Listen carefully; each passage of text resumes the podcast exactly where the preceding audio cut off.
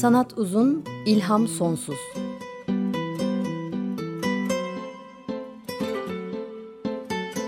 Sanat üzerine psikolojik sohbetler. Hazırlayan ve sunanlar Şenol Ayla ve Timuçin Oral.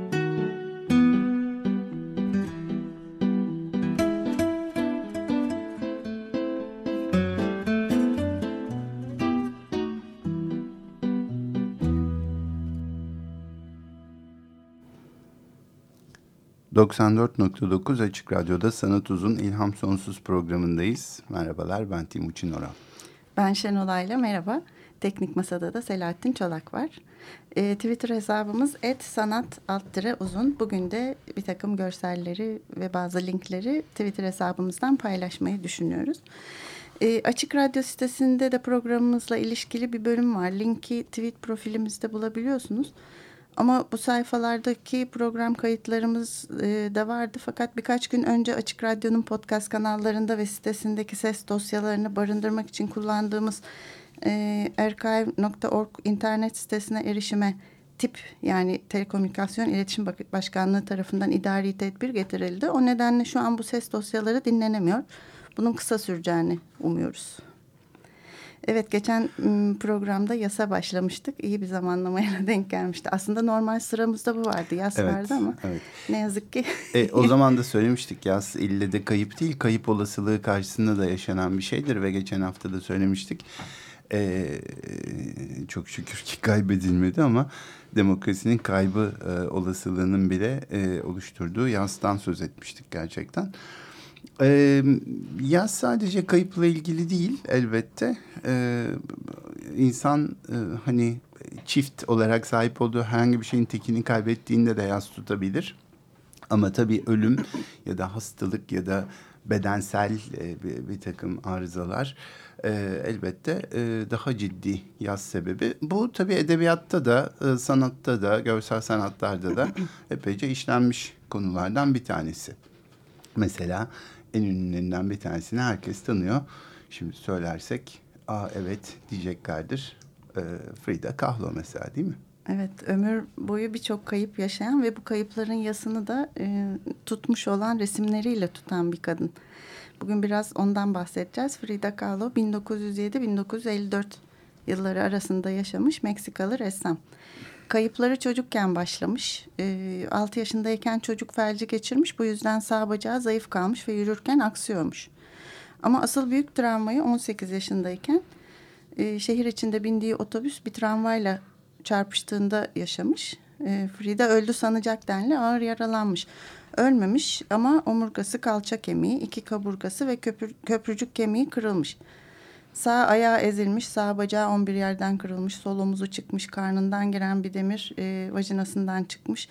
Bir sürü travma e, oluşmuş ve hayatta kalmasına rağmen ömür boyu ağrısız neredeyse bir günü bile geçmemiş. Aslında o tarihte öyle bir kazayla sağ kalmak da hiç mümkün değil. Evet büyük bir mucize ee, olmuş evet, gibi gerçekten. görünüyor bu kadar travmayla. Aynı zamanda çok da dayanıklıymış tabii. Ee, bir tek bu bedensel kayıplar değil, devam da etmiş kayıpları, yaşadığı kayıpları sıralarsak 22 yaşında dönemin ünlü ressamı Diego Rivera ile evlenmiş. 25 yaşında düşük yapmış. Bir daha çocuk sahibi olamayacağını öğrenmiş. Bu tramvay kazasıyla ilgili bir nedenle. Hı hı. Üç yıl sonra Diego'nun kendisini kız kardeşiyle aldattığını öğrenince büyük bir e, yıkım yaşamış. 32 yaşında boşanmış. 34 yaşında Diego ile yeniden evlenmiş. Geçirdiği kaza nedeniyle çektiği ağrılar e, ömür boyu da artarak sürmüş. 46 yaşında sağ ayağı gangren nedeniyle kesilmiş. Toplam 35 ameliyat geçirmiş ve 47 yaşında ölmüş. Burada birer cümleyle kısaca söylediğimiz her şey aslında büyük bir kayıp içeriyor değil mi? Olmaz mı gerçekten? Ardından da büyük bir yas getiriyor. Evet tabii e, Diego Rivera'nın kendisi evli olmak da zaten başlı başına bir problem olsa gerek.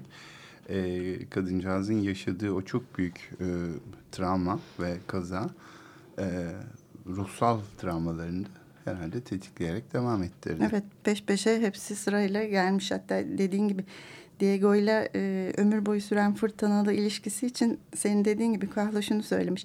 Hayatımda iki büyük kazadan çektim. Biri tramvay kazasıydı, diğeri de Diego. İşte tabii. E, hatta Diego neredeyse beni öldürecekti demiş. Evet. Onunla ilgili yaşadığı travmalar ve yaslar e, daha da büyük olmuş.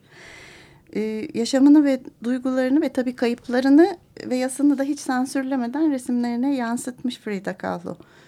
1932'de mutluluk içinde Diego'nun çocuğunu doğurmayı beklerken bir düşük yapmış. Bu onu çok yıkmış, çok kötü hissetmiş ve çok uzun sürmüş bunun ardından gelen yıkıntısı. Bir daha çocuğu olmayacağını da öğrenmiş çünkü. Çok önemli bir kayıp e, bu. Bundan sonra yaşadığı yas da uzun sürmüş ve bir dizi uçan yatak resmi yapmış. Ama onlardan e, çok fazla bahsetmeyeceğiz bugün. Bugün e, başka bir takım resimlerinden bahsedeceğiz. Aslında birçok resmi çok acılarla, kayıplarla, yaslarla dolu. Öyle değil mi? evet, evet kesinlikle. Ee, en büyük kayıplarını ama dediğimiz gibi e, yine Meksikalı ressam, duvar ressamı olarak da biliniyor. Sosyal içerikli, siyasi içerikli şeyleri çok fazla resimleri. Ve e, Frida'dan çok daha ünlü e, beraber olmaya başladıkları sırada Diego ile ilişkili olarak yaşamış birçok sıkıntısını. Diego kadınlara çok düşkünmüş, birçok sevgilisi oluyormuş ve Frida da çoğunu biliyormuş. O sevgililerin peşinden her gidişinde Diego'yu ölümüne kaybetmiş. Öyle yaşadığını anlatıyor günlüklerinde de. Bir küçük birer ölüm olarak yaşamış bütün evet. Diego gidişlerini. Her seferinde de Diego'nun peşinden yasını tutmuş. Dediğin gibi insanın ölmesi gerekmiyor. Kayıp için bir yere gitmesi, uzaklaşması. Kayıp olasılığı yeterli zaten. Evet.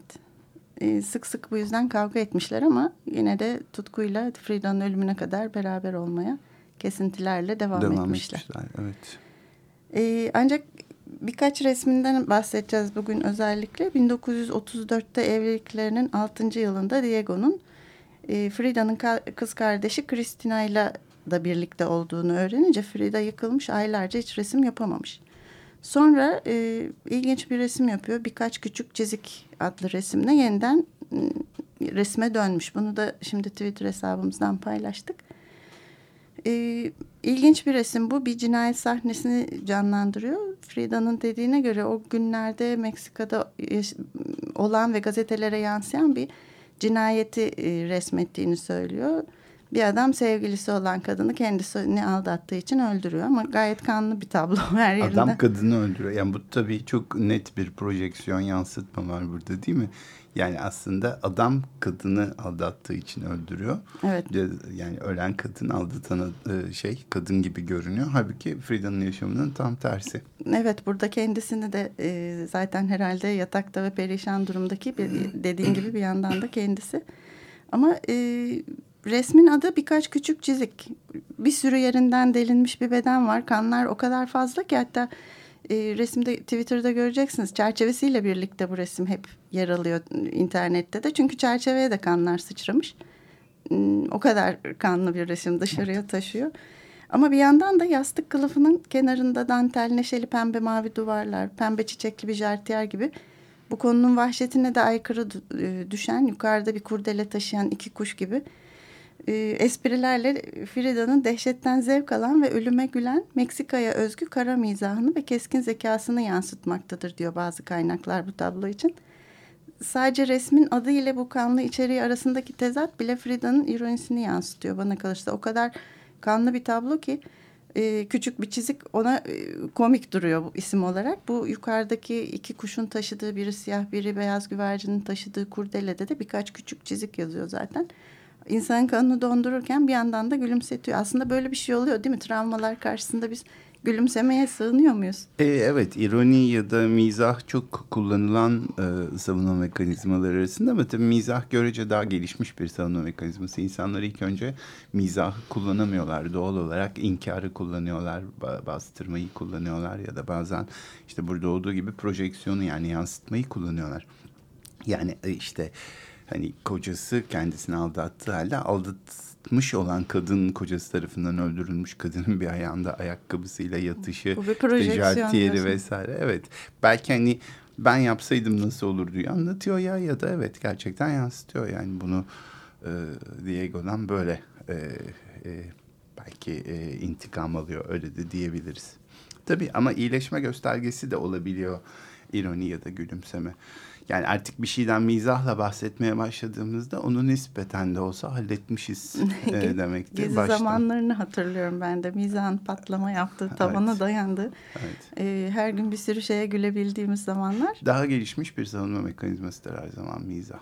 E, bugünlerimizde de e, başta bir dediğin gibi inkarla geldi ya da şaşkınlıkla Tabii. herhalde geçtiğimiz bir hafta içinde çok fazla mizah yapamadık. Sona doğru bir şeyler çıkmaya evet, başladı. Evet.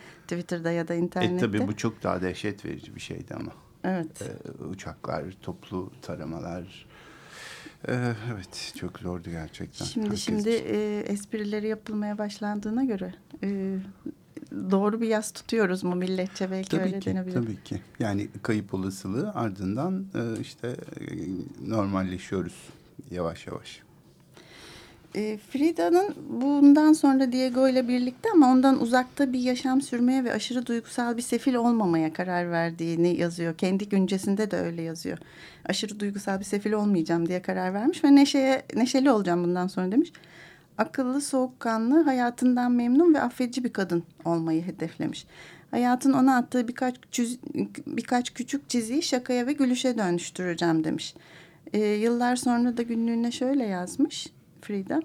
Hiçbir şey gülmek kadar değerli değil. İnsanın hafiflemek için gülmesi ve kendini kaptırması güçlü olduğunu gösterir. Trajedi bu dünyadaki en saçma şey. Evet. Ama işte onu diyebilecek hale gelmiş olmak lazım.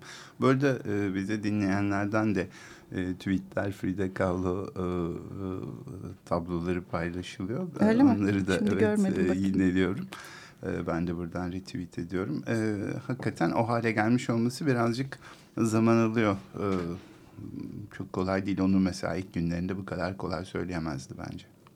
Ee, biz bu birkaç programdır da daha öncesinde de hep konuşuyoruz. Sanatçıların yaşantılarını nasıl yansıttıklarına tabloya. Frida bunlar için iyi bir örnek. Sadece yaz için değil ruhsal yaralarından dışında fiziksel yaralarını da e, güzel kullanmış. Bir tablosundan daha bahsedeceğiz. Burada da Heather'ımızda da bu hafta kullandığımız sevgiliyi kaybetmeyi kalbinin yerinden sökülmesi e, olarak tanımlamış ve iki Frida şimdi tweetlediğimiz tablosunda iki kendisi iki tane oturuyor. Bir tanesi beyaz elbiseyle Diego'nun artık sevmediği Frida'ymış öyle tanımlamış kendisi.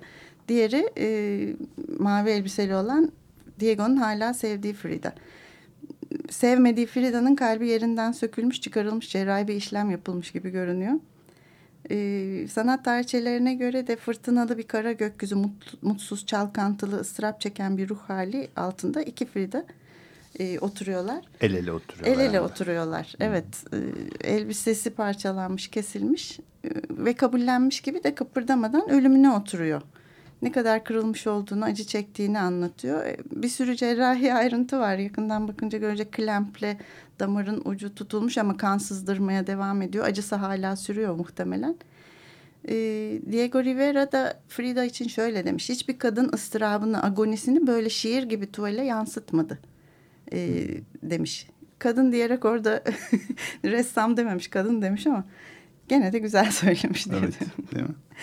Yani burada mesela o, o e, Diego'nun sevmediği Frida boynuna kadar kapalı bir elbise giymiş. Diğeri daha görece dekolte sayılır. Halbuki o boynuna kadar kapalı elbisedeki kalp açıkta. Kalbin içi karıncıkları, kulakçıkları görülebiliyor. Evet. Öbüründe kalp kapalı.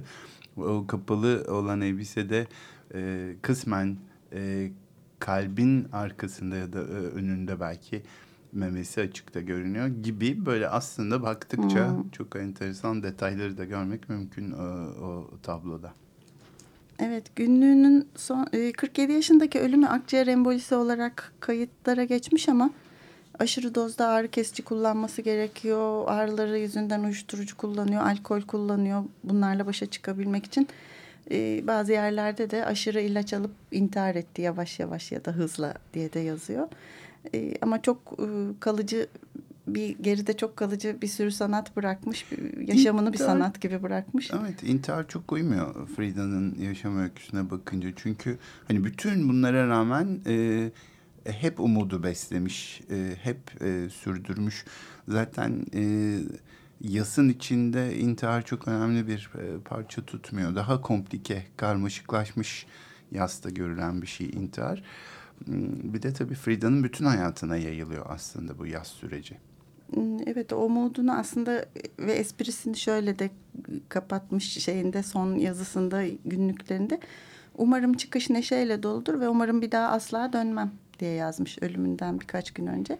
Şimdi aslında e, bir parça dinlemek için iyi bir zaman değil mi? Chavela Vargas'tan bir parça dinleyeceğiz. O Meksika'nın önemli şarkıcılarından. Hmm. Parçadan da aslında ilk hikayesinden biraz evet. bahsedelim değil mi? Evet şimdi Chavela Vargas'tan Paloma Negra'yı dinliyoruz.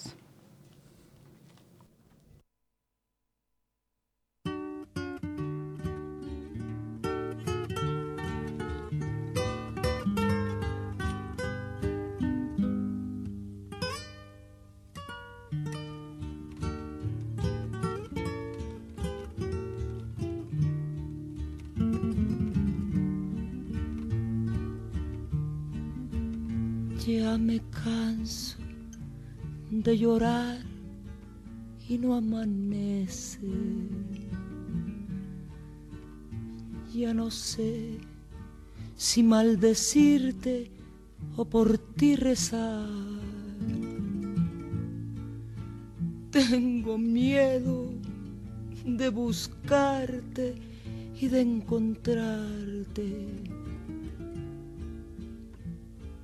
donde me aseguran mis amigos que te va.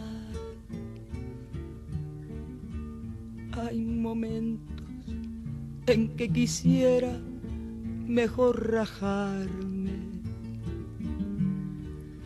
y arrancarme y a los clavos de mi penar pero mis ojos se mueren sin mirar tus ojos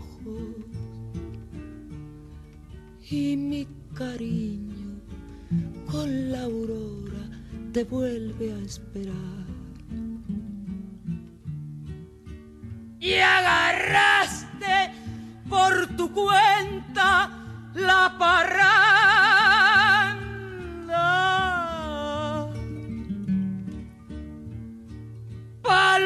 paloma negra, paloma negra, ¿dónde, dónde andará?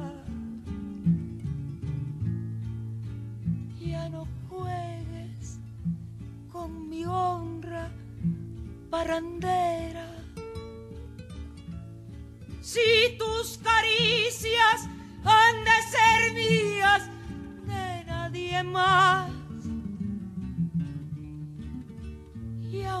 te amo con locura, ya no vuelvas. Paloma negra, eres la reja de un penar. Quiero ser libre, vivir mi vida con quien yo quiera. Dios, dame fuerza que me estoy muriendo por irla a buscar. Y agarraste por tu cuenta las parrandas.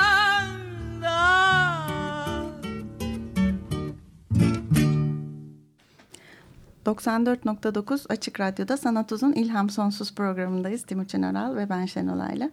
E, bugün e, yastan ve gene sanatçıların yası nasıl eserlerine yansıttıklarından konuşuyoruz.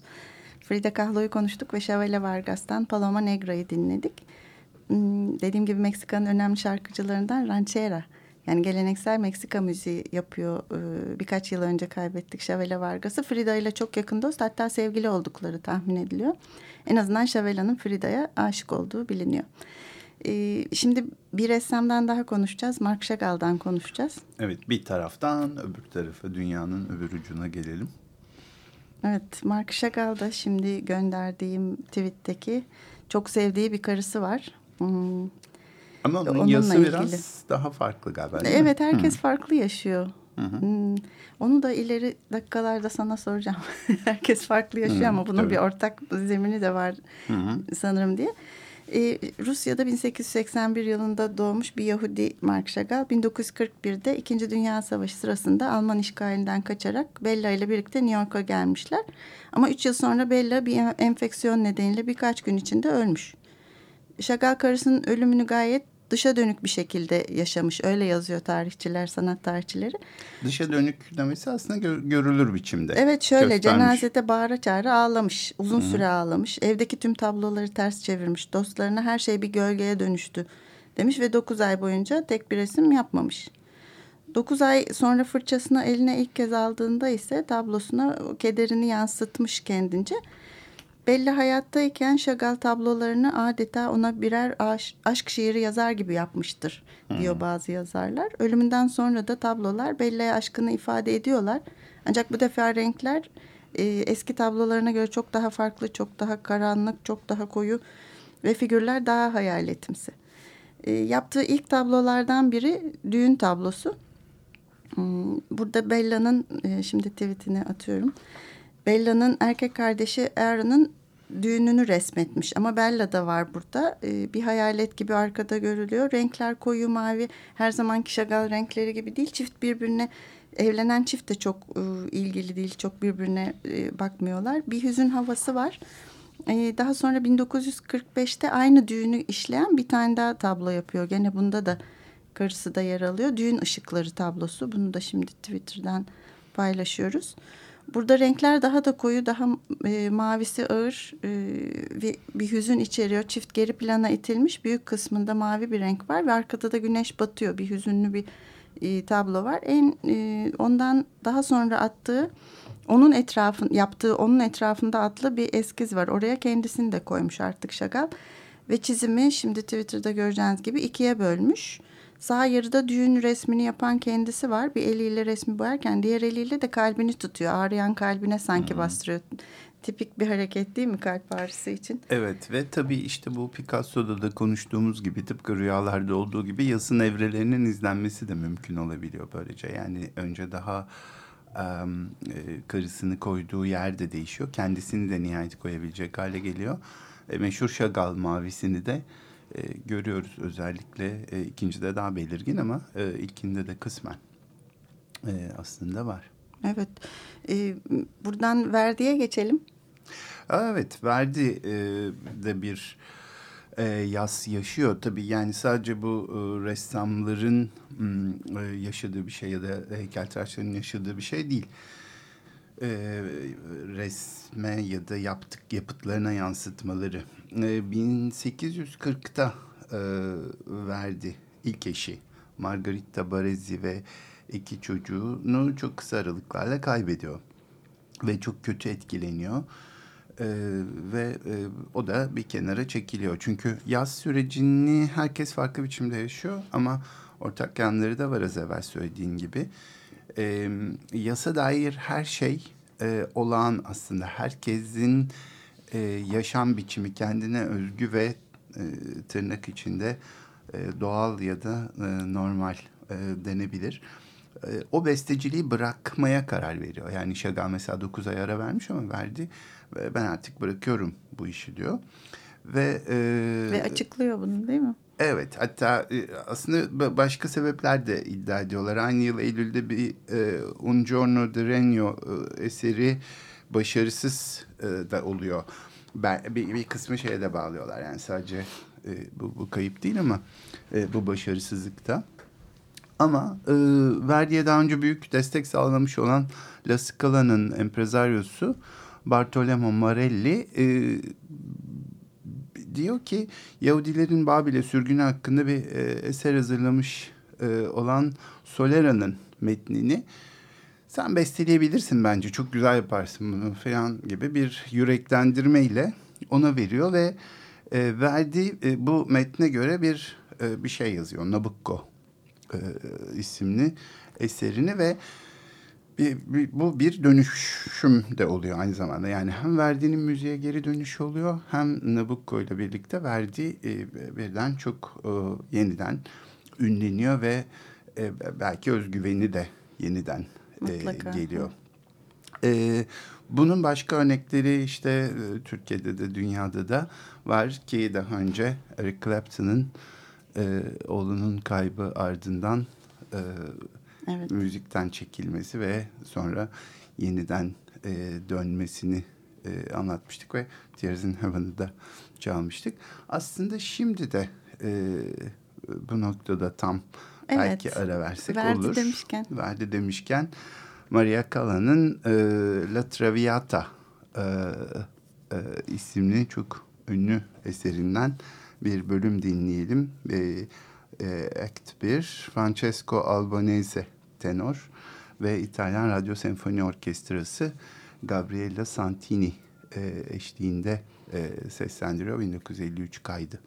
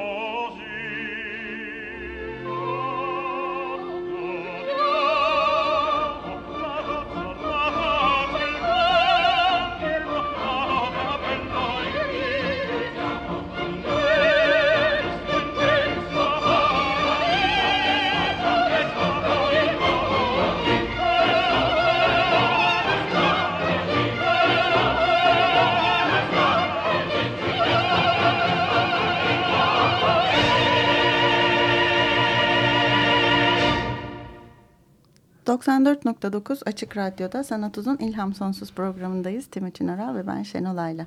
Yas'tan konuşuyoruz. Maria Callas'ın e, Maria Callas'tan dinledik. Verdi'nin La Traviata operasından Libiamo Nellieti Calici söyledi. E, Eric Clapton dedik oğlunun kaybıyla yüzleşmesi, onu yaşaması, yasını tutması ve şarkı yaratması, parçayı yazmasını e, Türkiye'de de çok baba oğullarla ilgili e, kötü hikayelerimiz var. E, hele bir, var. bir dönem var ki e, aşağı yukarı Tanzimat ve Cumhuriyet'in erken dönemi yıllarına ait gerçekten bir e, aman Allah. E, hani, Birçok şair oğlunu kaybetmiş. Şair yazar evet Recai Zade Mahmut Ekrem, Halit Ziya Uşaklıgil, Abdülhakamit Tarhan, Peyami Safa e, o dönemde bir de kesişen e, kişiler.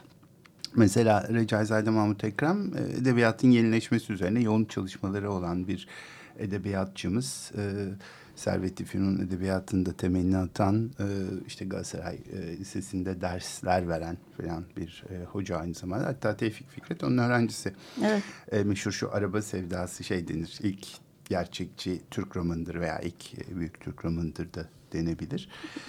Ee, eşi Güzde Hanım'la üç oğulları oluyor. Emcet, Nijat ve Ercüment. Bu Ercüment, Ercüment Ekrem Talu sonraları. Ee, e, ve aslında çok da yetenekli bir aile bütün aile olarak. E, ilk ikisini çok genç yaşta kaybediyor. E, Emcet bayağı bir buçuk yaşındayken filan yatağa bağlı hale geliyor ve yani işte 20'li yaşlarına kadar yaşıyor ama e, öyle vefat ediyor. İkincisi Nijat 14 yaşında e, kaybediyor onu. E, evin neşe kaynağı, hareketli, güler yüzlü, edebiyata meraklı, iyi resim yapan diye tarif e, ediyor kendisi de onu ve bununla birlikte yıkılıyor. E, üçüncü oğluna dayanarak aslında duruyor. Üçüncü oğlu da Ercüment Ekrem Talu. O da e, Cumhuriyet'in e, ilk e, e, Cumhurbaşkanlığı sekreteri, genel sekreteri. Hmm. Altı dil e, mi ya da sekiz dil mi biliyor çok. Evet altı dil Ee, diyor. evet. E, yazıyor. oldukça e, yetenekli bir e, kişi. E, fakat Nijat'tan sonra Mahmut Ekrem epeyce yıkılıp bir daha toparlanamıyor. Büyükada'daki evine kapanıyor ve bayağı hani cemiyette görünürken, ortalarda görünürken çekiliyor ve hatta çıkmanın onun anısına saygısızlık olacağını da düşünüyor. Her gün ağlıyor. Oğlunun ardından bir e, Ah Nijat diye bir şiiri var. Onu da Evet. e, yazıyor. Ama bu enteresan da bir kesişme zinciri var hayatında e, Recaizade'nin. Büyükada'da o sırada e, bir başka büyük e, yazar daha var. E, Halit Ziya Uşaklıgil. Halit Ziya Uşaklıgil de o dönem e, edebiyatın önemli isimlerinden. E, biz onu pek çok eseriyle biliyoruz ama Aşkı, Me Aşkı Memnu asıl hani en e, bilinen e, romanı. Halit Ziya da e, oğlunu erken kaybetmiş ama şöyle sadece bir oğlunu kaybetmemiş. Altı çocuğu var Halit Ziya Uşaklı gelin bunların üçü birden ölmüş. Yani çeşitli aralıklarla.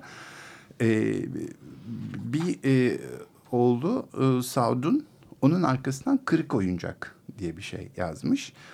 Kızı e, Güzin'in kaybı ardından Kırık Hayatları yazmış. E, sonra Vedat'ın ölümü ardından da bir acı hikayeyi yazıyor.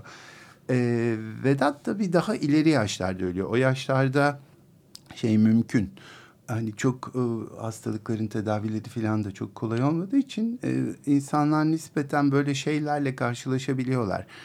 Ama e, büyük oğlu e, Vedat'ın e, kaybı e, daha e, zor oluyor çünkü o e, intihar ediyor aynı zamanda. E, belki o yüzden de daha zor oluyor. Şimdi e, diplomat e, Tiran Büyükelçiliğinde orada e, intihar ediyor e, büyük oğlu Vedat. Ama daha önce de iki amcası Uşakizade Yusuf ve Süleyman Tevfik Bey de intihar ederek ölmüş. Halit Ziya Hmm. Uşaklıgil'in. E, oğlunun ardından yazdığı o bir acı hikayeyi tamamlıyor ve kitabın ardından e, intihar ediyor. E, Bu iki yazarın yaşadıkları günleri e, Ercüment Ekrem Talun'un tanıklığında da güzel anlatmış kendisi değil mi? hı, evet. Büyükada'daki matemhanemize devam etme fedakarlığını ve vefakarlığını bir kişi gösterdi. O da Halit Ziya diyor.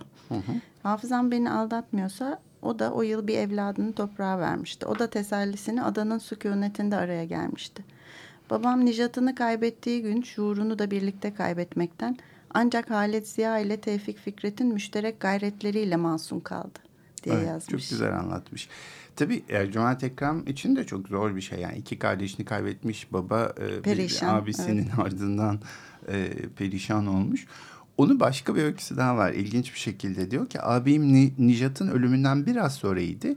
Matemi unutmak değil ama avunmak için ekseriya beni yanına alır beraber kırlara uzanırdık. Hani zaten unutmak da çok mümkün değildir ancak alışılabilir. Bu gezintiler sessizce geçerdi. Bir gün arkamızdan gelen bir fayton bize yetişti. Çok zarif giyinmiş, sivrice sakallı, gözünde tek gözlük taşıyan orta boylu bir zat. Titreyen ellerle babama doğru uzandı. Kucaklaştılar. Babam ağlamaya başladı. Hamit diyordu. Hamit perişan oldum. Nicat'ım elden gitti. Bu Hamit kim? O Hamit e, şair-i azam Abdülhakamit Abdülhak Tarhan. E, ama ilginç bir kesişme de şu. Abdülhak, Abdülhakamit Tarhan da bundan birkaç yıl sonra Amerika'da Maslahat Güzar e, olarak görev yapan tek oğlu Abdülhak Hüseyin'i bir hastalık ardından kaybediyor. Evet. Abdülhamit'in de bir e, yazısı var. Fakat o sırada Recaizade ölmüş olduğu için bunu Bereket Öğrenmiyor, e, öğrenmiyor. E, sonra işte yaşamının son dönemlerine doğru Recaizade zaten e, tüm sevgisini 1909'da doğan torunu e, Muvakkar'a veriyor ki o Muvakkar da e, Çiğdem Talu ile Umur Talu'nun da babaları Evet, bu arada. E, 1914'te vefat ediyor ve vefatın ardından da e, vasiyeti gereği oğlunun mezarına defnediyorlar. Yani oradaki e, yaz süreci kolayca e, tamamlanmamış. Ölene kadar da sürmüş kadar. değil mi defnedilene kadar? Bu arada enteresan. Recaizade'nin o acılı günlerinde destek veren e, işte kısmen Abdülhakamit, Halit Ziya, Tevfik Fikret ama bir yakın dostu daha var. Şair İsmail Safa.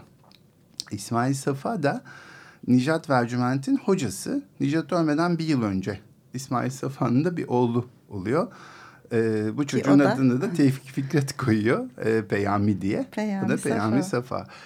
E, tuhaf bir rastlantı bu ya da işte belki o yıllarda böyle şeyler oluyor. Peyami Safa'nın da bir oğlu var. Hatta adını e, Merve Safa e, koydu. E, Mekke'deki iki kutsal tepenin de adı onlar. 22 yaşında rahatsızlanıyor ve e, ölüyor. E, Peyami Safa'nın oğlu ve m, Peyami Safa da bunun ardından e, üç buçuk ay sadece dayanabiliyor. O da ağır bir yıkım yaşıyor ve Ee, ağır kendisi bir de vefat yaşıyor, ediyor evet. değil mi? Kendisi de vefat ediyor. Bu arada tabii Abdülhakamit Tarhan'ın sadece e, e, oğlu değil tek galiba. Abdülhakamit Tarhan ilk eşi Fatma Hanım'la çok yakın ilişkisi olan, çok onu çok e, seviyor e, şair.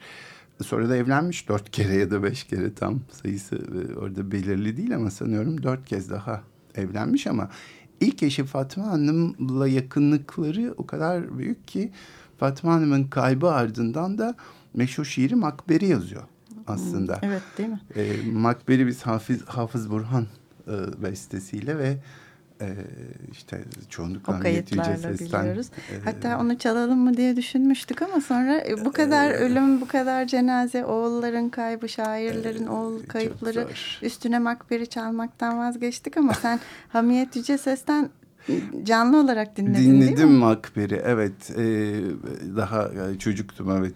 E, bir gazinolar vardı o zaman. Gazinoda Hamiyet Yüce Ses siyah bir gelinlik giyerdi sahneye E, öyle çıkmıştı. Öyle mi? Siyah bir gelinlik duvaklı falan ama siyah E, sahnenin ortasında kocaman bir mezar e, böyle bir şey e, üstü böyle örtülü çiçekli e, ve e, her yer karartılır sadece mezarın üzerine ışık dü- düşer siyah gelinliğiyle Hamiyet Yüce ses gelir Of, of. ve her yer karanlık pür nur o mevki diye Makber söylerdi. Bir çocuk olarak senin aklında bunlar kalmış bu yaşa kadar.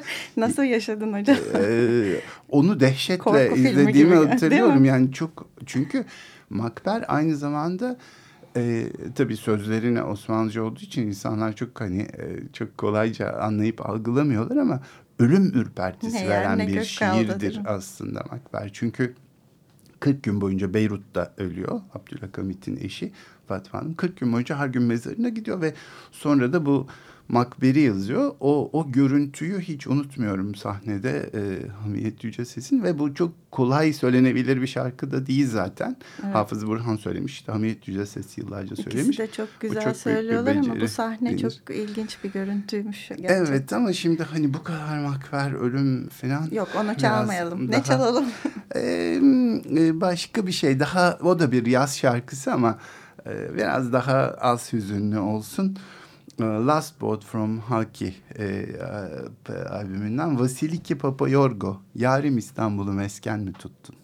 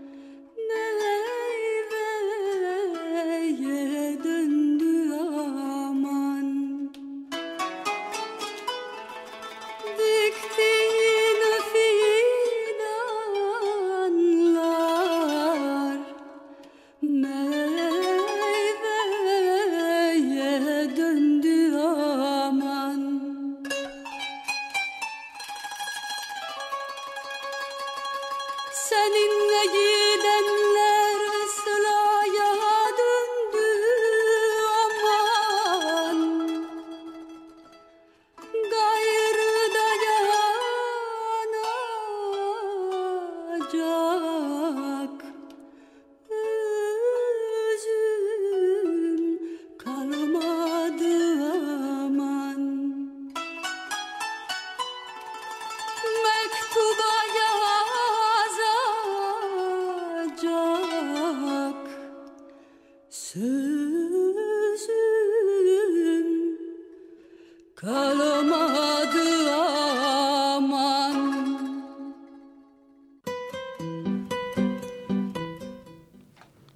94.9 Açık Radyo'da Sanat Uzun İlham Sonsuz programındayız. Timuçin Oral ve ben Şenolay'la. Ee, Yas'tan konuşuyoruz bugün. Yas'ın sanattaki görünümlerinden e, ve çocuk ölümlerinden çok bahsettik. Ressam, e, şairlerin kaybettiği oğullardan. Bir izleyicimiz de Twitter'dan paylaştı. Kinder Toten Lider diye teşekkür ederiz. Mahler'in e, Evet. şarkıları var.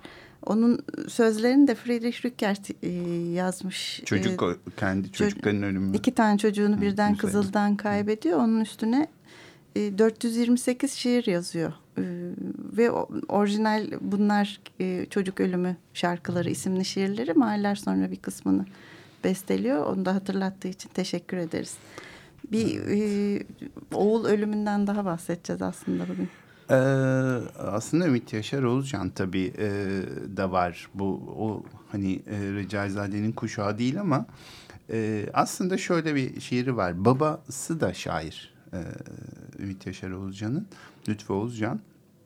Bak dünya ne güzel. Bu sitem niye? Ettim ben adımı sana hediye. Mutluyum ey oğul babanım diye. Çarpıtma hicvinle cezaya beni. Şimdi burada e, çarptırma özür dilerim hicvinle cezaya beni. Yani burada e, bu kadar sistemle yaklaşıyor olmasının e, sebebi e, Lütfü Oğuzcan'ın Ümit Yaşar sık sık in- intihara kalkışıyor. E, bütün hayatı boyunca rivayete göre 24 kez Evet öyle intihar yazıyorlar. girişiminde bulunmuş. Ve bu da konuşuluyor hep evde değil mi? Ve tabii ev çok huzurlu olması mümkün. Ana konu bu. mümkün mü yani ne kadar e, zor bir e, şey gerçekten. E, yıllar sonra da e, ama çok daha trajik e, bir şey oluyor. Hmm, Ümit Yaşar 17 yaşındaki oğlu e, Vedat Oğuzcan'ı e, Galata Kulesi'nden e, aşağı atlıyor Vedat. E, öyle mi? kaybediyor ve ee, eğer doğruysa e, avucundaki kağıtta da baba öyle intihar edilmez böyle edilir yazıyor ki e, hani Korkunç bir e, şey. evet Olayda geriye kalan notta her türlü korkunç bir durum e, sonuç olarak hakikaten çok zor. Onun ardından da bir şiir yazıyor Galata Kulesi diye. Onu okusan aslında. Hmm, çok da hüzünlü aslında. 6 Haziran 1973 pırıl pırıl bir yaz günüydü. Aydınlıktı, güzeldi dünya. Bir adam düştü o gün Galata Kulesi'nden. Kendini bir anda bıraktı boşluğa. Ömrünün baharında bütün umutlarıyla birlikte paramparça oldu. Bir adam düştü Galata Kulesi'nden. Bu adam benim oğlumdu, gencecik Vedat.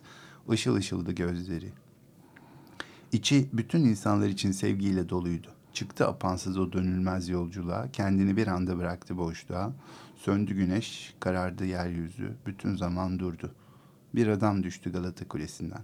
Bu adam benim oğlumdu. Açarken ufkunda güller alevden, çıktı her günkü gibi gülerek evden, kimseye belli etmedi içindeki yangını. Yürüdü kendinden emin sonsuzluğa doğru. Galata Kulesi'nde bekliyordu ecel. Bir fincan kahve, bir kadeh konyak. Ölüm yolcusunun son arzusuydu bu. Bir adam düştü Galata Kulesi'nden. Bu adam benim oğlumdu. Küçücüktü bir zaman.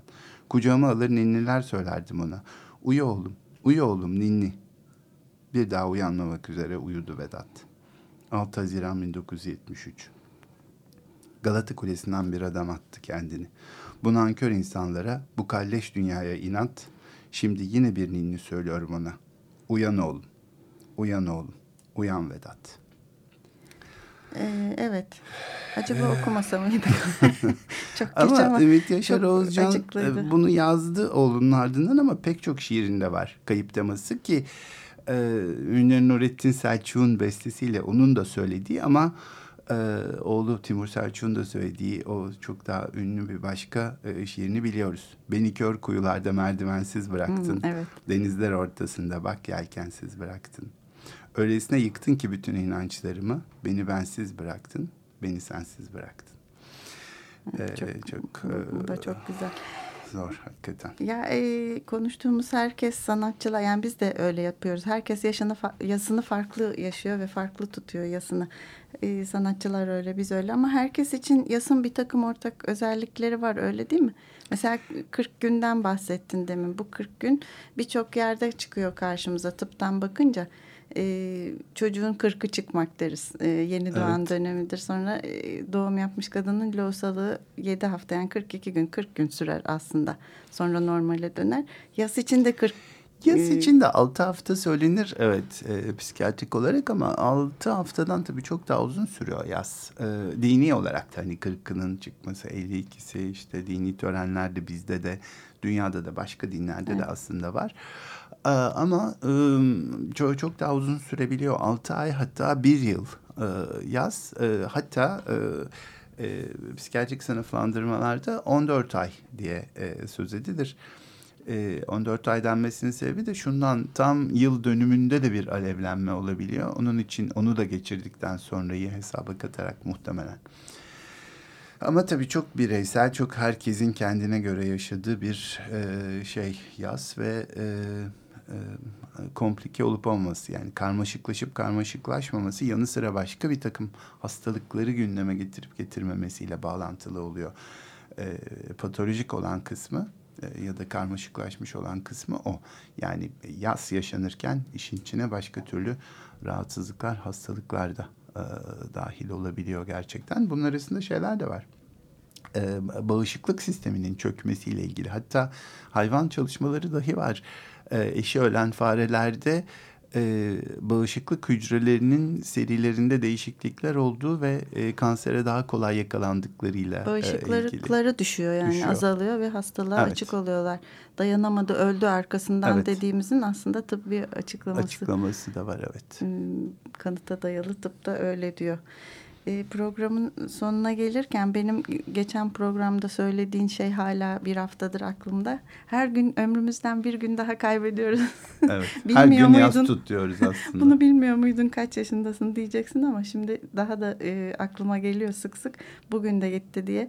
E, aslında bununla ilgili bir parça çalarak e, Gün geçsin diye e, heves edenlere gönderelim o şarkıyı.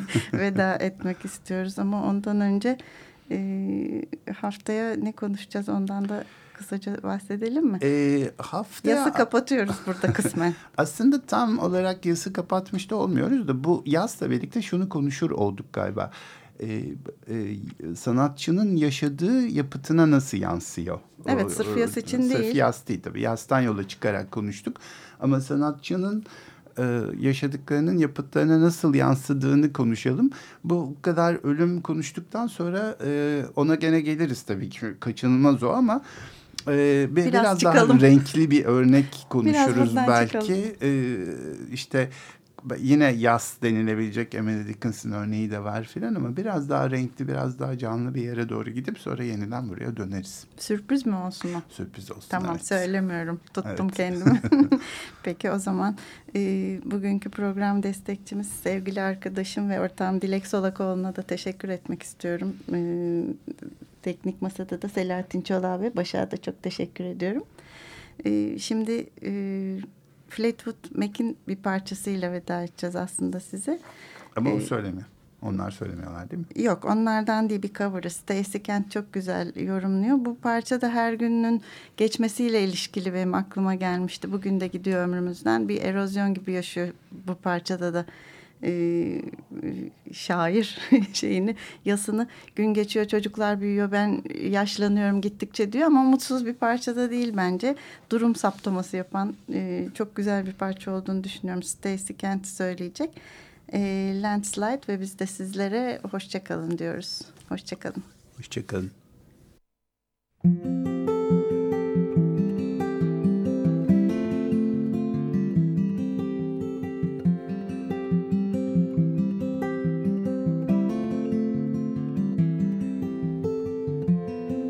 my love, I took it down.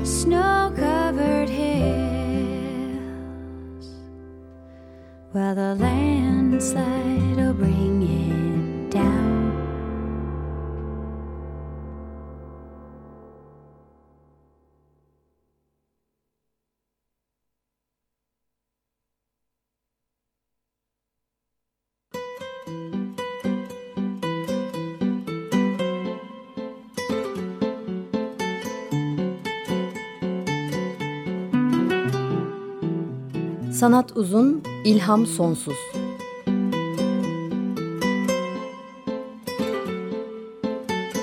Sanat üzerine psikolojik sohbetler. Hazırlayan ve sunanlar Şenol Ayla ve Timuçin Oral.